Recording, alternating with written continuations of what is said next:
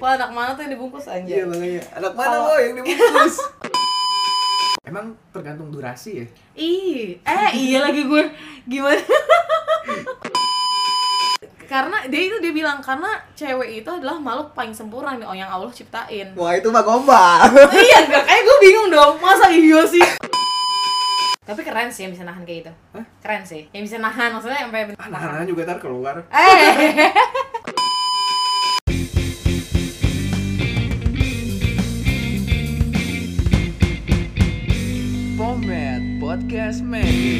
kontrasepsi Bangsat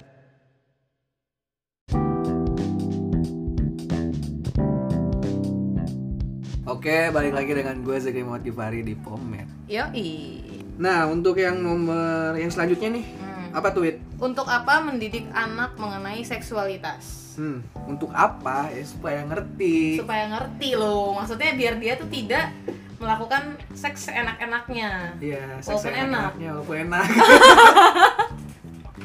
ya iya karena karena sebenarnya pen- beneran perlu itu Iya, tuh benar perlu ya kebutuhan nanti jadinya gitu. orang-orangnya brengsek Iya, gitu loh Pokoknya untuk apa ya? Untuk supaya si anak ini lebih terdidik. Terdidiknya gimana? Dia lebih Hmm. tahu gitu kan. Dia lebih bisa menjaga dirinya dan Iya. dia maksud gue jangan sampai ada yang namanya pemerkosaan juga. oh iya pemerkosaan benar Ya kan? benar benar Kalau hamil di luar nikah ya gak apa-apa lah ya. Nanti Mm-mm. juga nikah gitu kan.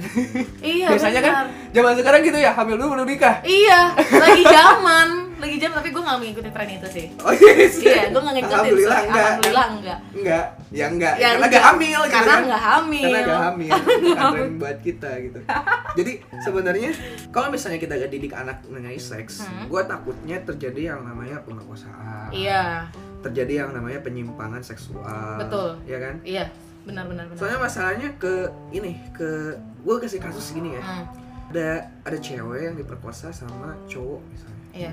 Diperkosa nih tanpa tanpa yang namanya hubungan sama sekali. Apa jadinya kalau misalnya si cowok ini melakukan hal itu tanpa dia tahu bahwa si ceweknya bakal hamil gitu? Dia hanya melepaskan hasratnya ke cewek yang random gitu. Iya benar. Dan akhirnya yang menderita adalah ceweknya dong. Iya benar. Apalagi tuh pemerkosaan ya? Ah dan apa jadinya jika misalnya si cewek ini depresi dan pengen mengaborsi anaknya Mm-mm, Ya. benar iya. Karena secara gue pernah belajar yang namanya aborsi gitu kan di Hmm. kampus gue bahwa yang namanya aborsi ini kaitannya dengan agama nantinya. Soalnya iya. yang namanya aborsi bisa dikatakan itu pembunuhan. Iya benar. Jadi lu even itu belum ada apa nyawanya Iya. atau gitu pokoknya karena setiap agama beda. Iya. ada yang nyawanya di 40 eh berapa ya 40 hari 40 hari ada yang 4 bulan ada yang Iya. pokoknya ada yang kayak gitu lah ya di pokoknya agamanya. Ah. agama yang mana gue gak tahu ada Hmm. yang dari pas sel spermanya sama sel ovumnya mengalami ini apa fertilisasi Hmm. udah bisa disebut makhluk hidup gitu Iya. kan karena kita bisa bilang itu makhluk hidup gitu Mm-mm. ada yang bilang bahwa itu pembunuhan jadi Iya. kan lu dosanya double dong iya anjing. benar udah udah lu diperkosa gitu Iya. kan lu harus lu berhubungan ya, intim lu intim dan lu Ya, bunuh secara agama- orang bunuh orang bunuh bayi Bunuh bayi gitu kan, bunuh apa iya. ya bunuh calon bayi Iya calon bayi lah, Ah. calon bayi gitu. Nah, dosanya double gitu. Iya, double, Dan itu jadi intrik juga di maksudnya pro kontra juga, terus jadi masalahnya ke agama juga. iya gitu itu kan. karena juga mau dibuat undang-undang ya Iya, itulah ya kita perjuangkan itu. iya yang kita Sebagai omongin. mahasiswa, iya benar kita perjuangan sebagai mahasiswa ya katanya yang membuat nanti bingung juga soalnya hmm. kita sebagai dokter nih, Win, Hmm. gua nggak boleh yang namanya melakukan praktek aborsi. Siapa pun itu tuh nggak boleh dilarang. itu itu sesuai dengan eh, etikanya Iya, sudah Kode etiknya. kedokteran, kode etik kedokteran. Yang namanya makhluk hidup Hmm. kehidupan sekecil apa pun gitu sebenarnya nggak ada dokter yang mau melakukan hal itu aborsi kecuali dengan indikasi medis tertentu misalnya dengan dengan adanya bayi ini bisa Hmm. membahayakan yang namanya si calon ibu misalnya Iya. karena ada preeklamsi pokoknya bermasalah dalam Ah. kehamilannya itu dan si nyawa ibunya ini terancam ya kan? Kita harus menyelamatkan nyawa ibunya dulu dong Oh, oke Iya kan? Ah. Seperti itu. Tapi kalau misalnya si ibunya Mm, kalau tapi kalau misalnya si ibunya pengennya udah bayi gue aja yang selamatin gue nya nggak usah dipikirin itu gimana? Itu tergantung nanti berapa persen kehidupan bayi bisa diselamatkan. Hidup, bisa di- oh, sama si ibunya. Jadi yang terbaik untuk yang diselamatkan itulah yang diselamatkan gitu. Oh I jadi see, kita oke. karena nanti ada apa ada pertimbangannya tertentu Mm. kan jangan sampai melakukan kesalahan dong. Iya Iya kan? benar. gitu. Nah jadinya kalau misalnya kita nggak ngasih pendidikan seks Hmm. Mendidik anak tentang seksual ini ya Hmm. bisa-bisa kayak gitu. Pertama dia bisa jadi pemerkosa. Iya. Ya kan? Mm-mm. dia bisa jadi pemerkosa. Yang kedua adalah dia bisa punya orientasi seks yang berbeda. Oke kayak menyimpang ya? menyimpang. Oke. Nah, apa pun itu ya yang Ah, menyimpang. Ah. gua agak bahas yang lain. Pokoknya Ah, menyimpang aja ah, kan? iya. Itu adalah caranya itu ya dengan cara menghindari hal itu gitu. Mm-mm. dengan cara ya kasih pendidikan ke anaknya gitu. Karena kalau udah kejadian udah. Bingung. Bingung aja bingung ada Sumpah, saya mesti aja- gimana? Anak saya begini coba gini deh gua gua misalnya Hah, lu hah, misalnya nih lu lu misalnya kalau misalnya lu mohon maaf nih ya hah, lu terkena musibah lah lu Ah. mengalami pemerkosaan gitu, Iya. lu punya anak gitu. Ah. apa yang akan lu lakuin?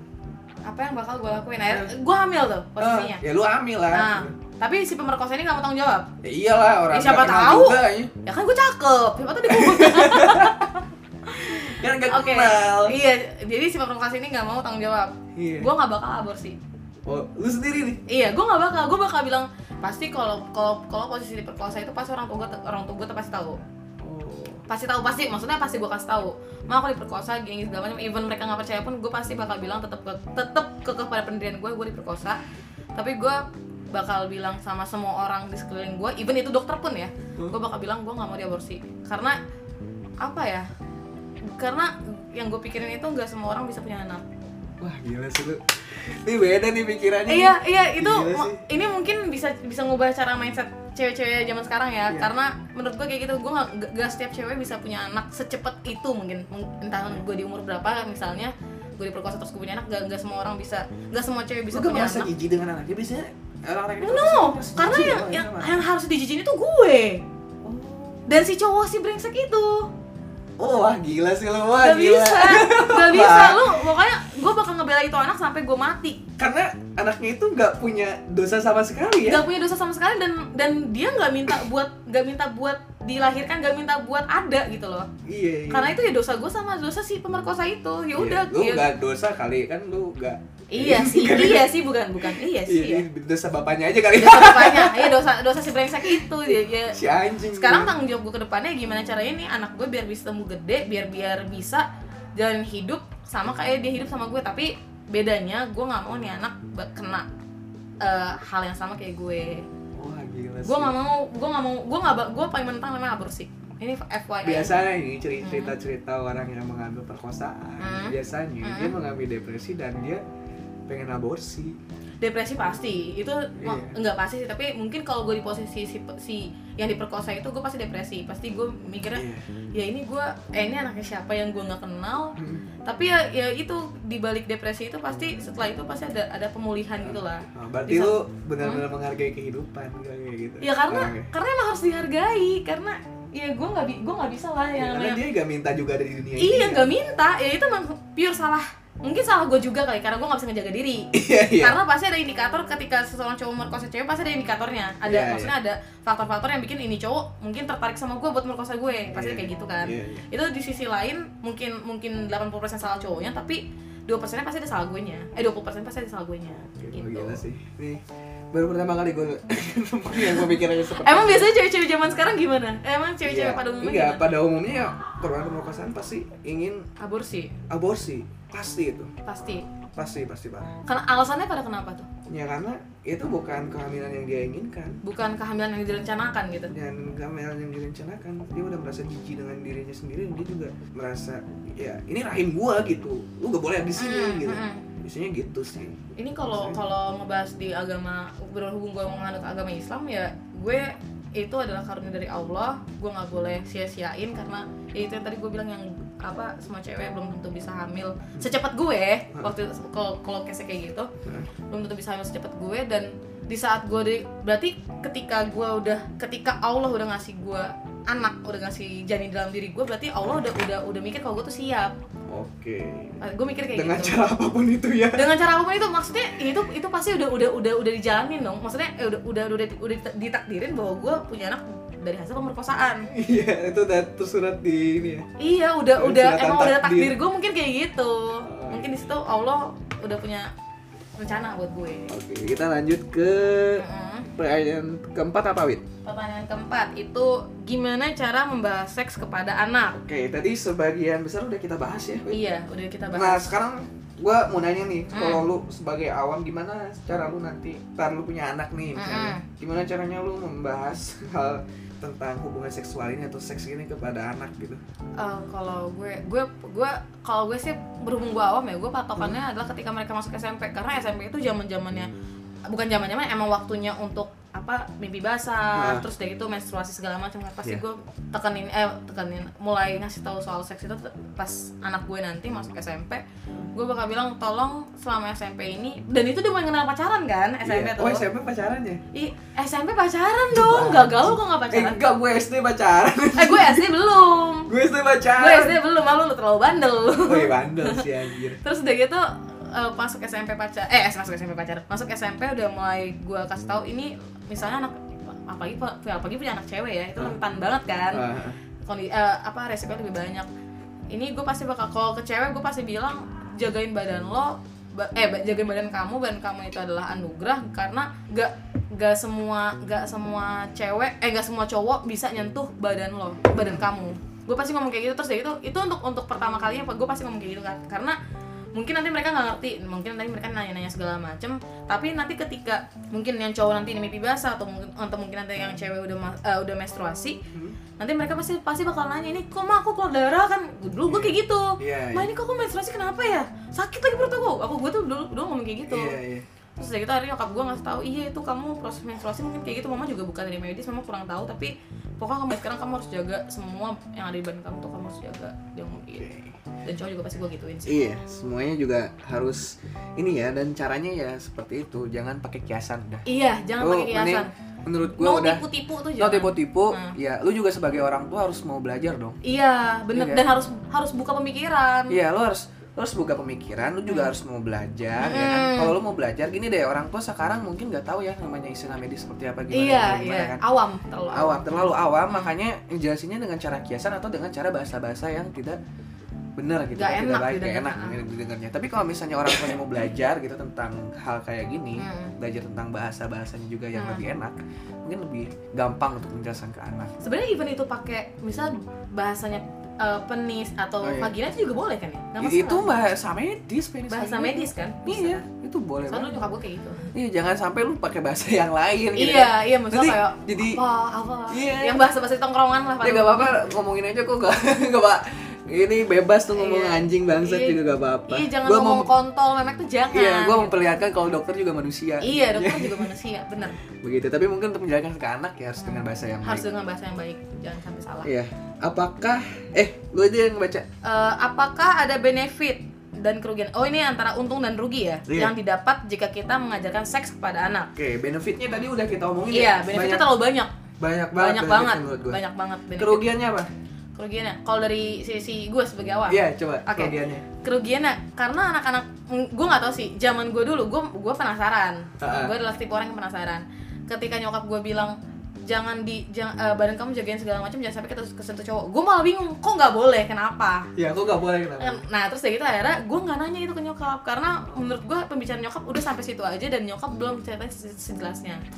Akhirnya gue nanya ke temen gue yang cowok waktu gue SMP ini SMP seberani itu gue nanya gue Iya, gue iya. bilang e, apa kenapa sih cewek tuh harus jaga badan? Gue nanya gitu ke temen-temen gue yang cowok itu lagi lagi lagi di eh lagi di kantin waktu itu. Gak, lu bener sih nanya cowok, biasanya cowok lebih pintar iya cowok kan kepo. Apa masalah gitu gituan kan? Lebih pintar cowok biasanya ah, ah. terus dari itu gue bilang kenapa sih cewek tuh harus jaga badan? Terus dari itu teman gue adalah cowok nyeletuk "Eh, apa emang kenapa wait lu kemarin habis habis menstruasi segala macam dikasih tahu apa aja? Ada gue bilang gue dikasih tahu kalau gue terus ngejaga badan gue. Kenapa? Gue nggak tahu kenapa. Ya karena badan lu karena cewek dan itu gue nggak tahu ini nih orang nih emang otaknya benar apa gimana ya? Karena dia itu dia bilang karena cewek itu adalah makhluk paling sempurna yang yang Allah ciptain. Wah itu mah gombal. Iya enggak kayak gue bingung dong masa iya sih? Tapi itu nggak Lah, mau cewek mau cowok juga sempurna Iya. Terus terus dari gitu gue bi gue bingung kan lah itu nggak nggak nggak ngejawab pertanyaan gue. Iya, iya, itu nggak ngejawab sama sekali. Terus dari gitu sampai akhirnya ibu-ibu kantin waktu itu datang keluar ini lagi ngomongin apa? segala macam. Akhirnya gue bilang bu kenapa sih bu? Itu ibu-ibu itu cowok ya eh cewek ya. Iya. Ya kan lu ngomong ibu iya ibu ibu-ibu bener. "Eh, bu kenapa sih bu? Aku cewek harus ngejaga badan aku. Iya karena karena badan kamu itu spesial. Dia dia me- me- me- apa ya menyimpulkannya kayak gitu sih. Oh, gue iya, sih menyimpulkan kayak gitu. Karena badan kamu tuh spesial dan gak semua dan gak gak boleh sembarang cowok yang megang badan kamu. Ka- dan gue nggak tahu itu itu adalah jawaban yang sama sama nyokap gue. Ah. yang gue tangkep ya Iya. itu itu jawaban yang sama sama berarti nyokap gue. belum menjawab dong? Berarti belum menjawab emang belum menjawab. Terus kayak gitu pas SMA akhirnya pas masuk SMA itu itu spare waktu dari gue kelas 8 sampai gue kelas 10 itu jauh dong 2 tahun ya kira-kira 2 tahun itu tuh gue baru tahu ternyata dari waktu itu dari pacar gue. Oh. dulu dulu gue SMA pacaran sama anak SMA keren. Terus udah gitu eh, gue nanya sama cowok gue ini kenapa sih kok aku harus jaga badan aku? Terus kata dia ya karena kamu kalau kalau kamu nggak jaga badan kamu cowok bakal nafsu sama kamu. Loh emang kenapa? Kan aku pakai baju. Ya contohnya gini eh, dia dia ngasih contoh oke oke oke oke. Contohnya contoh. gimana? Contohnya gini kamu kamu pakai baju yang ketat terus kamu nge- kamu memperlihatkan lekuk tubuh kamu. Iya Ah. oke. Itu munafik. Kalau cowok tuh nggak ngeliatin tete kamu dia ngomong kayak gitu. Itu munafik. Itu cowok-cowok munafik yang bilang iya dia dia bilang "Eh, itu cowok munafik yang, cowok munafik yang eh, yang bilang kalau dia tuh nggak lihat tete kamu. Pasti dia liatin. Itu Terus, pasti. Terus kayak gitu gue bilang kan. Ya terus kenapa? Itu bakal mancing hasrat cowok buat ngapa-ngapain kamu. Oh dia ngomong kayak gitu. Dia tapi untungnya dia ngejelasin secara detail. Karena kan gue orangnya agak-agak lolot gitu ya ada Ah. agak-agak lemot gitu kan Em, mungkin nggak kalau tuh cowok tiba-tiba narik kamu terus ketapa sapi terus kamu diapa-apain iya mungkin. Ya udah itu simpelnya kayak gitu. Tapi kalau misal kamu memang lebih lebih apa namanya lebih pengen lebih pengen lebih tahu mungkin kamu bakal eh, lebih baik nanya ke orang tua. Karena itu dari sisi aku yang juga anak muda. Hmm. kata dia gitu. Akhirnya gue nanya ke orang tua ke bokap. Gue akhirnya gue nanya ke Oh, bokap. terus apa kata bokap? Terus bokap gue bilang karena kamu simple banget bokap bilangnya. "Eh, apa kamu kalau misal kamu diapa-apain sama cowok kamu bisa hamil. Hah, kenapa? Kok bisa? Itu Nah. gue kelas 10 masih goblok nah goblok takut gak lu hamil waktu Terus waktu SMA tahu lu lu kalau dia apa-apain cowok lu bisa hamil gitu Lu takut nggak? dong orang ya takut. Oh, hamil iya, mah iya, takut. iya. orang itu masalah siap gak siap juga. Waktu pas bokap gue ngomong kayak gitu gue takut. Oh, lu apalagi posisi takut iya posisinya kan gue baru tahu soal itu terus dari itu gue juga baru masuk SMA kelas 10 waktu itu. Terus Hmm. ya udah nih eh, kena kenapa bisa kok bisa hamil yang kenapa? Iya jadi tuh kamu kalau misal kamu waktu itu bokap gue bahasanya bersetubuh. Oh betul bersetubuh bersetubuh sama cowok itu tuh akan ada kemungkinan di mana si sperma cowok ini masuk ke dalam apa ovum ya? Apa sih Iya, waktu itu iya, bokap gue pokoknya bokap gue pakai bahasa sains iya gitu. iya benar. Masuk ke dalam ovum itu bakal jadi pembuahan. Dia cuma cerita sampai situ Iya. doang. Terus dia gitu emang iya pakai gitu? Iya nanti kamu kalau misalnya untuk mau tahu lebih lengkapnya gimana cara itu bisa jadi anak segala macam nanti kamu bela- belajar di guru IPA pasti. Soalnya papa juga nggak mau asal-asal jelasin karena papa juga belum tahu banyak kata bokap Iya, gitu. iya. Ya, itu udah bagus sih menurut gua bokap lu Iya, Udah untungnya gue sana. Tapi secara waktu dari gue menstruasi gue nanya tentang seks segala macam ke SMA tuh lama loh. Oh iya dan itu gue dan itu gue baru nanya ke bokap tuh pas zaman gue SMA oh iya, iya. gitu. Tapi makanya gue semalu itu gue tuh malu banget ngomongin soal itu. menjelaskan gitu kan? Iya ya karena lu tanya duluan ya. Tapi Iya. menurut gua lebih baik lu jelasin dari awal sih. Kalau gua jadi orang tua gua pasti jelasin dari awal. Gak perlu nunggu anak gua nanya Eh, Hmm. nanya tuh hanya untuk trigger gitu kan iya tapi gue pasti eh, jelasin dari awal supaya dia bisa tak ya kalau kalau misalnya dia pintar kayak lu ya Hmm, anak hmm. gue ya nanya-nanya dulu apa kayak gimana Hmm. kalau gak pintar gak nanya nanya iya diam aja iya ya ya gitu sampai gitu. sampai gede nanya. iya bener bener bener iya ya gue harus gue harus berani buat ngomong itu lah tapi gue pernah loh gue nggak pulang gue waktu itu pas tahun, tahun lalu tahun lalu gue nggak pulang-pulang ke rumah gue di kosan terus. Terus? Itu lima bulan apa ya? lima bulan apa empat bulan gitu nggak pulang. Gua disangkain nggak- hamil ya? Iya gue pas sampai rumah adek kamu hamil? Wah gue diteriakin gitu sama nyokap gue. Enggak mah kenapa sih? Ih, kamu gak pulang-pulang abis mau mikir kamu kabur kawin lari sama orang. Wah itu gue segitu segitu ya segitu sayangnya segitu takutnya nyokap gue. Iya iya iya. Eh, jadi gue ngerti lah posisi seorang nyokap kayak gimana. Iya lu kan siap jadi nyokap. Kan? eh iya amin. Jadi ibu Oke, kayaknya udah ya, cukup sampai di sana. Oke, cukup. Oh enggak, Makasih lo kerugian. pertanyaan-pertanyaannya. Bentar, bentar, bentar. Apa, Pak? Kerugian dari gue ya, kerugian dari Oh iya, kerugian dari sisi lo. Ya, dari Benar. gua bukan dari sisi medis ya. Kalau Iya. kerugian dari sisi medis gak ada. Hmm. Maksud gua adalah apa pun yang lu kasih gitu Hmm. mengenai ilmu pengetahuan gitu tentang Pasti ada hal positif seks ini. negatifnya. Pasti enggak menurut gua pasti positif gitu. Hmm. Tapi yang yang jadi kerugiannya adalah kalau misalnya si anaknya salah nangkep udah. Iya. Iya. Tapi Iya. menurut gua kalau lu ngasih ilmu yang banyak gak apa-apa kasih ilmu Iya, yang banyak. apalagi- Tapi kalau misalnya yang salah ini kita kurang jelasinnya kurang bagus, si Hmm. anaknya nangkepnya kurang bagus juga. Iya, yang gitu. tadi iya benar kayak Jadinya tadi kayak yang kayaknya tadi gua gue bilang. kayak tadi gue bilang ini udah tahu nih nih anak pakai kondom bisa aman, bisa aman. Dia Iya. jadi ya udah gue gue ya udah gue bersetubuh aja pakai kondom orang aman. kondom ya. Iya. iya, harusnya kondom tuh dimusnahin, cuy. Harusnya kondom tuh dimusnahin. Oh enggak, gak, bu- gak bisa gitu dong Gak bisa gitu. Iya Kalau kalau kondom dimusahin banyak loh orang-orang yang kena ini apa namanya penyakit. Iya, iya pasti ada medisnya lah. Kondom Iya. itu juga pasti ada ada medisnya. Iya penyakit penyakit seks menular. Uh-uh. Kalau kondom dimusahin jangan Iya, dong. HIV gitu ya. Iya. Oke, balik lagi dengan gue Muhammad Kifari di Pomet. Yoi. Kita sekarang mau ngomongin tentang mitos atau fakta. Oke, Sabi. Coba lu omongin deh, apa tuh? Mitos atau Oke, yang pertama mitos atau fakta. Wanita tidak, tidak perawan jika selaput darahnya robek. Ayo menurut lo gimana? Dari sisi medis. Eh lu dulu deh dari Oh, awal oke. dulu kan nanti gue jelasin gitu. Oh iya iya. Kenapa gitu? Iya. Kalau dari gue menurut gue mitos. Karena Karena banyak banget yang bisa bikin selaput darah itu robek. seperti contohnya Flash, eh flash. Apa sih ya semprotan buat di WC? Itu bisa bikin selaput darah robek loh. Iya, Terus benar. berkuda bisa bikin selaput darah robek. Iya, betul Naik sekali. motor. Oke. Naik motor bisa bikin selaput darah robek dan udah gue gak tau lagi apa. Ada eh, sepeda juga bisa bikin selaput darah robek. Oh, sepeda juga. Bersepeda. Ya, sepeda kan benar-benar ini kan. Oh iya, Bener-bener iya ujungnya lancip banget. Lancip banget gitu. Heeh, benar. Lu bersepeda tuh benar-benar bisa bikin selaput darah robek. Oke. Tapi sebenarnya Hmm? eh, selaput darah itu kalau dalam sisi medis namanya himen. Himen. Eh nama darahnya itu, selaput Iya. darah. Oke. Dan himen ini setiap wanita punya bentuknya yang berbeda masing-masing. Maksudnya beda? Ada yang tebal tipis gitu. Enggak, jadi maksudnya tuh kalau misalnya lu bayangin himen ini adalah lu pernah ini gak niup balon? Balon apa? Balon sabun. Oh, oke, heeh. Oke, Balon sabun. balon sabun kan. Hmm. Sebelum lu tiup, lu celupin balon sabunnya, balon sabunnya itu ada di ada di raketnya gitu kan. Iya. Nah, himen tuh seperti itu. Oh. Heeh. Nah, himen tuh banyak bentuknya. Heeh. Jadi kalau misalnya gua jelasin secara awam, Hmm. bentuknya itu ada yang intak bener-bener Intak tuh. intak tuh bener-bener menutupi semuanya Oke. tanpa lubang sedikit sedikit pun Hmm. gitu kan. Hmm. Ada yang ada lubang gitu kan. Oh, ada yang ada lubangnya juga. Ada, ada yang lubangnya juga. Oke. Jadi, Bentuk-bentuk lubangnya tuh bisa kecil-kecil, bisa gede banget gitu kan. Jadi Berarti udah robek dong kalau gitu. bukan robek, tapi emang bentuknya dari sananya, dari sononya emang kayak gitu. Oh. Kecuali Oh, kalau baru misalnya dia udah berhubungan seksual. Ah. Kalau misalnya udah berhubungan seksual tuh biasanya himennya bener-bener udah nggak ada. Hmm. Apalagi kalau udah melahirkan gitu kan. Oh, itu oke. kan udah bener-bener ada. bener-bener kepala bayinya segede gitu gitu Iya, kan. Keluar pasti dari sana ada. udah nggak ada. Ah. Sebenarnya nggak robek gitu, tapi mereka tuh punya bentuknya masing-masing gitu. Oh, jadi tiap cewek itu beda-beda. Beda-beda gitu. Jadi lu gue bisa misalnya nih forensik ada orang yang diperkosa gue bisa menentukan bahwa oh ternyata himennya ini rusak gitu tapi Hmm. belum tentu yang bolong tuh emang robek rusak karena hubungan seksual bisa jadi karena emang bentuknya emang seperti itu gitu Oh. Oh, dari forensik tuh itu ada kelihatan. ada Oh, forensik jadi ada bentuk-bentuk himennya masing-masing tapi kalau misalnya ada himen yang berlubang belum tentu dia nggak perawan Oh, oh gitu. Gua cuma taunya ya kalau lu perawan atau nggak perawan dari berdarah aja udah. ya mungkin berdarah iya kali ya tapi Hmm. nggak semuanya juga berdarah anjir Iya. kalau melakukan hubungan seksual serius soalnya gini himen tuh ada yang tipis banget ada cuman sekitarannya doang ada tuh Oh.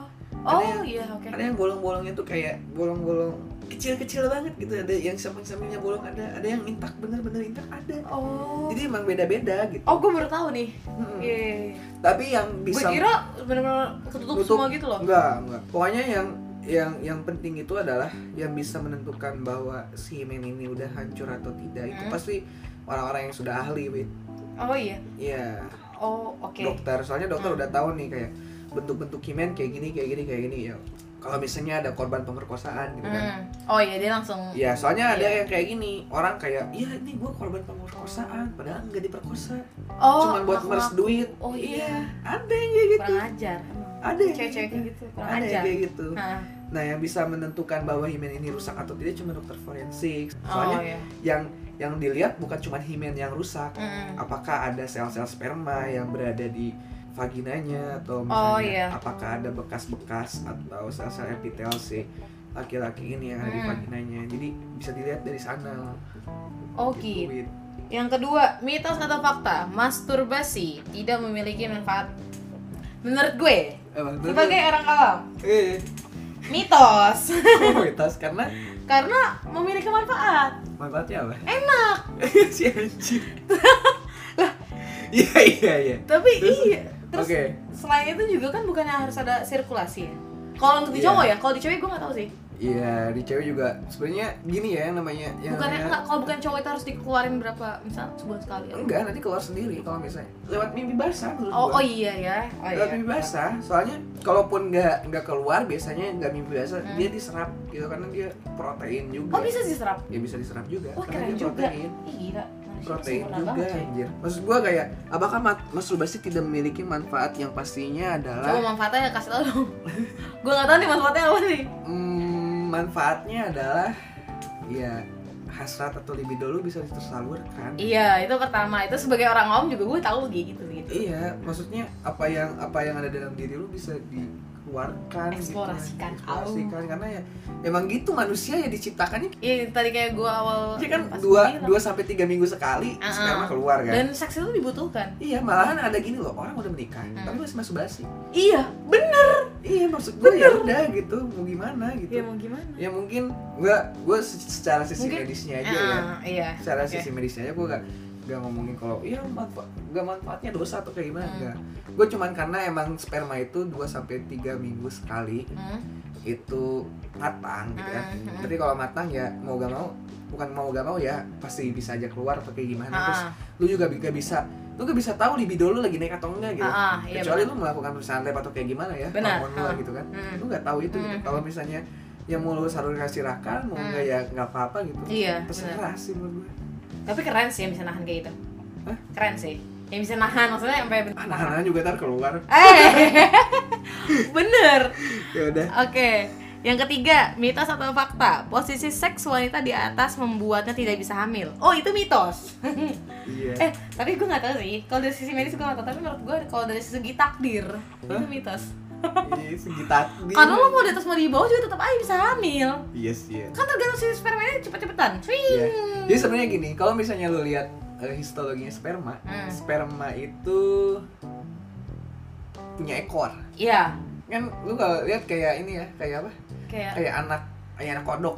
iya apa sih namanya aduh gue lupa lagi namanya Cebong. cebong ke cebong Dia bener cebong kan? iya ke cebong Nah, jadi kalau misalnya lu kalau misalnya lu lihat ekornya itu ya itu punya fungsinya tersendiri, Wit. Jadi ekor buat apa ekornya itu ya buat dia bermanuver berenang. oh dia oh iya buat dia berenang. bisa berenang di ini di apa uterusnya ini ut- perempuan jadi kalau misalnya lu lihat anatominya anatominya sperma bukan anatominya eh, rahim wanita Hmm. itu ada cervix kan ada leher Iya. cervix nah Hmm. setelah melewati leher cervix dia bisa berenang gitu karena kalau misalnya di sebelum leher cervix itu tuh oh jadi tuh ekornya tuh buat berenangnya ya? Ya, yang pastinya adalah meskipun mau di atas mau di bawah, spermanya bisa berenang. Dan berarti nanti tergantung kemampuan spermanya.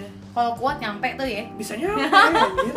Serius orang dia bisa berenang dia punya dia punya alat gerak sendiri kan. Iya iya Mau iya iya. mau posisi apa pun itu ya menurut gua tergantung kualitas spermanya menurut gua ya. Tapi ya mungkin lebih baik sih lebih baik yang wanitanya di bawah gitu biar biar dibantu Fix dengan- gitu ya? Biar Biar fix. dibantu dengan gaya gravitasi bener begitu ini medis ya ini iya. medis ya kalau gue nawa me- biar fix gitu jadi gitu iya ini kan tergantung Eh, tergantung. itu kan tergantung Tuhan juga iya bener Ya menurut gue ya itu punya selain itu juga ada kontraksi dari uterusnya dari rahimnya. Kontraksi? Iya jadi otot-ototnya. kontraksi anjir Ya gini deh karena misalnya ya, Hmm. Setahu gue yang namanya yang namanya mau hubungan seksual itu hmm. semuanya akan mengendur, semuanya akan menyesuaikan, Hmm. beradaptasi gitu kan. iya Kalau misalnya lu orgasme terjadi kontraksi nanti di uterus lu biasanya. oh Iya. oh iya oke gue ngerti Jadi Iya. dari dari apa? Dari kontraksi itu Hmm. ototnya bekerja juga, otot otot apa otot rahimnya bekerja Hmm. juga. Hmm. Terus spermanya punya ekor ya Hmm. mau di bawah mau di atas kena tetap sih. jadi ya Bukan tetap jadi, bisa tetap kemungkinan masuk terjadi. gitu Hmm. Bisa temu- bisa kemungkinan terjadi. Tapi mungkin kalau di bawah dibantu dengan gaya gravitasi. itu iya lebih gampang lah ya lebih ban- dibantu berenangnya gitu. dibantu berenangnya Tapi menurut gue ya mau posisi apa pun itu ya kalau udah kalau jadi ya jadi jadi jadi tergantung kualitas sperma dan kontraksi Iya. uterus. Oke buat cowok-cowok yang mau kualitas spermanya bagus, tadi dua minggu atau tiga minggu sekali ya? Eh Enggak, maksud gua ya yang penting olahraga. olahraga, makan toge bener gak sih? Hmm, gua belum gua belum tahu sih yang kan makan kata- toge itu. Gue nggak tahu nih ini mitos atau fakta ya. Ini banyak banget kayak emak-emak nih di tukang sayur tuh bilang itu suaminya makan atau enggak anaknya makan toge biar subur gitu. Nah, gue belum menemukan penelitian tentang toge soalnya di buku gue ya. Sumpah serius. Jadi yang penting adalah supaya spermanya bagus yang pasti olahraga Mm-mm. jaga kesehatan tubuh udah gitu aja Oh, oke. yang nomor lima apa wit Yang kelima, mitos atau fakta menggunakan alkohol atau obat membuat seks lebih baik. Dari mana dulu nih? eh lu tahu alkohol buat apa emang Buat mabok doang kan buat in the sky. oke sky Kalau menurut gue mitos atau fakta ini kayaknya orang-orang ini yang nanyain kayaknya suka bungkus cewek udah mabok mana gitu anjing Wah, anak mana tuh yang dibungkus iya aja? makanya anak mana lo yang dibungkus Kalau menurut Anjing. gue fakta. Kan gue sebagai orang awam nih. iya Menurut gue fakta karena ketika lu lagi in the sky, in the house atau Eh. hangover segala macam, tapi gue nggak ngobat cuy. Yaudahlah, gue ini Iya. dari segi si alkoholnya ya. iya Muat seks lebih baik, iya karena gue lebih pede. nah Anjay. betul sebenarnya yang yang gue tekenin di sini adalah Hmm. alkohol itu cuma sensasi aja bikin pede soalnya kalau Lebih enak tapi iya mungkin enaknya itu ya itu sensasi aja jadi parah. pede aja Ah, tapi sebenarnya karena kalau misalnya lu konsumsi alkohol berarti Hmm. ada something yang dalam diri lu yang berubah pertama Hmm. misalnya karena alkohol ini kan memperang- mempengaruhi bisa bikin orang ngefly gitu kan berarti Iya. yang dipengaruhi itu Benar. adalah sistem saraf pusatnya gitu kan mm, yang dipengaruhi belum lagi tubuhnya yang dipengaruhi misalnya Iya. kan, tubuhnya dipengaruhi entah itu bisa kita bilang aliran darahnya Hmm. gitu kan meningkat atau tidak gitu. Hmm. tapi sebenarnya yang lebih berpengaruh kenapa alkohol itu mungkin orang-orang bilangnya sangat mempengaruhi kualitas seks misalnya itu karena sensasinya aja sebenarnya menurut gua ya Oh, oke. jadi nggak menentukan bahwa si ini tuh wah bakal lebih lama atau kayak gimana Nah. enggak itu cuma sensasi aja mungkin dia lebih pede kalau misalnya Tapi- pakai alkohol kayak kebukti deh lebih lama. Tapi nggak tahu oh sih. ya mungkin ya Ah, tapi sebenarnya itu kalau menurut gue itu sensasi aja sensasi eh, di otak kalau misalnya obat-obatan biasanya obat lu tau apa apa? Nggak tahu. obat kuat gitu. Nggak tahu. Viagra Viagra. Oke. iya itu nah Itu tuh biasa gue baru denger loh. Iya, itu baru, baru denger Gue ya. baru denger. Jadi sebenarnya Viagra ini ya, kalau misalnya boleh gue jelasin secara medis, Hmm. itu adalah emang itu adalah obat gitu. Hmm. Tapi ya lu jangan beli sembarangan juga obatnya, bisa aja tuh obat obat dari mana gitu kan belum Tapi tentu tahu Viagra. Viagra gitu. Iya. Ah. Biasanya nah, Viagra ini bi- biasanya nih, biasanya itu itu tuh tergantung bahan aktifnya itu yaitu adalah sildenafil citrat. Ah. Nah, itu golongannya itu adalah obat untuk disfungsi ereksi. Obat untuk disfungsi ereksi. Jadi Berarti kalau misalnya berfungsi. enggak. Jadi kalau misalnya ada seorang cowok Hmm. mengalami disfungsi ereksi, Hah? ya dia pakai obat itu biasanya. Tapi kalau misalnya emang cowoknya enggak enggak mengalami disfungsi ereksi, ereksi itu kayak eh tahu ereksi kan? Tahu. Nah, begitu kan. Ah. Dia tidak mengalami disfungsi berarti baik-baik aja Ah, dengan ah. ereksinya ya. Sebenarnya nggak perlu obat itu juga gitu karena obat Oh, ini Oke. eh, gini ya, ada efek sampingnya juga gitu. Tapi itu bisa diminum Iya, sama jangan- cewek nggak? Ya kan ini buat disfungsi ereksi, ereksi kan Oh, buat iya. cowok. Iya benar juga. Oh benar. Iya iya. Sorry sorry. Iya, jadi jangan ntar baca obat kuat Skip nih gue. Nih, jadi gini, Wit. Ah. Lu tahu manusia paling kuat di dunia itu siapa? Makhluk paling kuat di dunia itu siapa? Makhluk ya. Iya. Berarti bina event binatang juga termasuk. Iya. Oh, nggak tahu. Makhluk paling kuat di dunia cewek. Oh iya, kenapa? Buktinya obat kuat Nggak ada diciptakan untuk cewek. melawan wanita. gitu. Tapi gue juga ngerasain itu loh. Iya makanya gini ya meskipun gua selalu misalnya dokter-dokter menggunakan obat atau enggak lebih Hmm. baik adalah menjaga atau preventif gitu dari Hmm. yang namanya obat-obatan soalnya Hmm. kalau misalnya ya lu beli Viagra misalnya Hmm. tapi lu gak, gak tahu dosis yang yang baik Pas, tuh gimana atau gimana atau misalnya lu beli Viagra di obat mana gitu tanpa resep dokter atau Hmm. kayak gimana gitu kan dan yang ternyata yang lu beli itu bukan Viagra asli, Asli, gitu atau kayak uh-uh. gimana gitu Iya. bukan sildenafil asli gitu Oke. Kalau misalnya lu mengalami yang namanya disfungsi ereksi Hmm. atau misalnya masalah-masalah produksi ya Hmm. mau gak mau yang selalu gua omongin adalah lu harus pergi ke dokter gua gak bisa ngomong di sini lu harus kayak gimana ya? kayak gimana enggak lu harus pergi ke dokter Hmm. biar nanti diperiksa dulu sama dokternya bagusnya kayak gimana Oh oke. Dengan pemeriksaan yang lain-lain Hmm. baru lu dapet terapi yang bagus gitu jadi di sini gua selalu di podcast gua gua bilang udah kalau misalnya lu ada masalah atau apa pergi ke dokter Iya. ya kan Iya. gue gak bisa ngomong di sini karena masalah orang beda-beda Iya. ya kan emang tergantung durasi ya Ih, eh iya lagi gue gimana?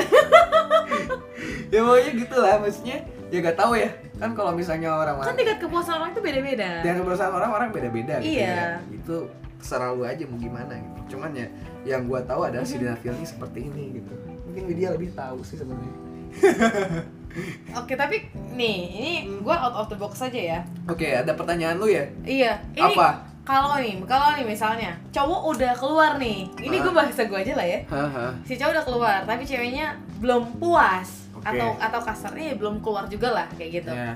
Itu yang salah, eh bukan yang salah sih, gue nggak nyadar salah. Maksudnya wajar nggak? Jadi gini, Nah, yang namanya hubungan seksual itu pasti ada orgasme. iya. Nah, orgasmenya itu. Biasanya orgasmenya cowok adalah keluarnya sperma. Hmm. Biasanya. Hmm. Memang itu. Hmm. Sorry. Hmm. Jadi orgasmenya cowok tuh pas dia mengeluarkan spermanya. Hmm. Tapi kalau cewek beda. Hmm. Cewek itu lebih lebih apa ya? Lebih variatif orgasmenya. Oh, oke. Iya, Iya, gitu. ya. Lebih Oh, variatif. Oke. Setiap cewek bisa beda begitu ya. Jadi kita nggak bisa yang lebih tahu istrinya adalah suaminya sendiri. Iya. Bagaimana lu nge-treatment itu? gue kayak orang yang udah berisi gitu. Pokoknya ya, yang lebih tahu istrinya kan suaminya ya. Benar. Itu ya lu harus lu harus lu harus punya komunikasi yang lebih dengan istri lu kayak. Karena kan ada orang yang misalnya contoh misalnya di Hmm. media lain bilang ada Hmm. fake orgasm atau kayak gimana Iya, gitu ya. iya. Ngomongin tentang hal itu ya itu ada gitu. Tapi ya mau gak mau yang namanya hubungan suami istri mungkin hubungan seksual ya lu harus bicarakan itu dengan pasangan lu. Oke, ada pertanyaan lagi? Udah kayaknya. Udah. Udah. Tadi itu itu udah ketemu gue empat empat Apa? pertanyaan yang pengen gue tanya tuh itu tadi. Oh, udah. Masuk semua tuh. Udah. Wah gila. Oke, jadi kita sampai di sini aja. Aduh, apa tuh? apa tuh? Apaan tuh? Oke, jadi segitu aja tentang seksologis malam hari ini. Kalau misalnya seksologis banyak yang dengar, gue bakal bikin lagi segmen-segmen seksologis yang lebih seru lagi. Yoi, Gue ambil benar. dari sex education aja sama beberapa fitos dan fakta yang gue sampaikan ke lu. Terima kasih sekali Widya. Ih, sama-sama makasih juga loh diundang ke Lu sini. sudah menjadi orang, sudah menjadi orang. eh, Wah gila sih. Gue jadi orang pertama nih ngomong, Iya, ngomongin masalah seks. Gak apa-apa, ya. soalnya soalnya gue butuh pandangan orang awam. Iya, benar. Bukan cuma gue doang yang harus ngomong secara medis, tapi Iya. harus ada juga orang yang ngomong secara awam. Gitu. Iya, Gue gak bakalan kalau di seksologis ini gue pasti undangnya yang awam-awam, soalnya supaya berinteraksi. Iya, benar. Kalau misalnya Kalau gue medis sama medis jadi debat ya. Iya, ntar tepat jatuhnya gitu kan kayak gak ada pandangan, lu gak bisa dapat pandangan dari awam sebenarnya seperti apa. Iya, benar, benar, benar, benar. Kalau di seksologis ini pentingnya itu awam adalah seperti ini bos. Betul.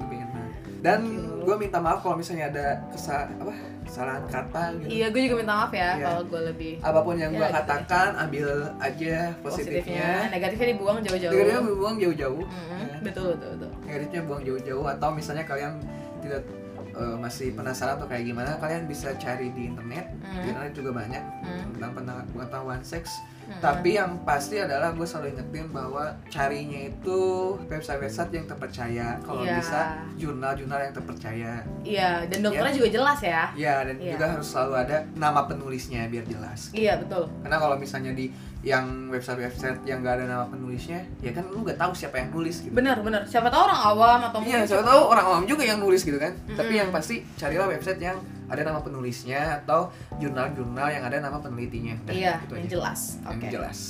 Oke, thank you banget Widya. Dadah. Thank you, dadah Zikri. Bye-bye Mau- semuanya. Mau datang lagi ke Pomet? Boleh kalau ditanya lagi. Emang dasar. Kalau datang lagi udah nikah ya oh iya, oh, amin, amin, amin. Kalau ngomong ke gue, ini suami gue Iya, gini, Cik." nanti, nanti, Ah, nanti kita bakal bahas soal anak dan suami juga. Gila sih anjing. Thank you banget pokoknya. Thank you juga. Bye-bye semuanya. Nah, selamat malam para pendengar. Selamat malam. Malam Oke. semuanya. Oke, segitu aja dari Pomet dan dimohon untuk teman-teman untuk share jika kalian suka dan follow semua sosial medianya Pomet. Thank you.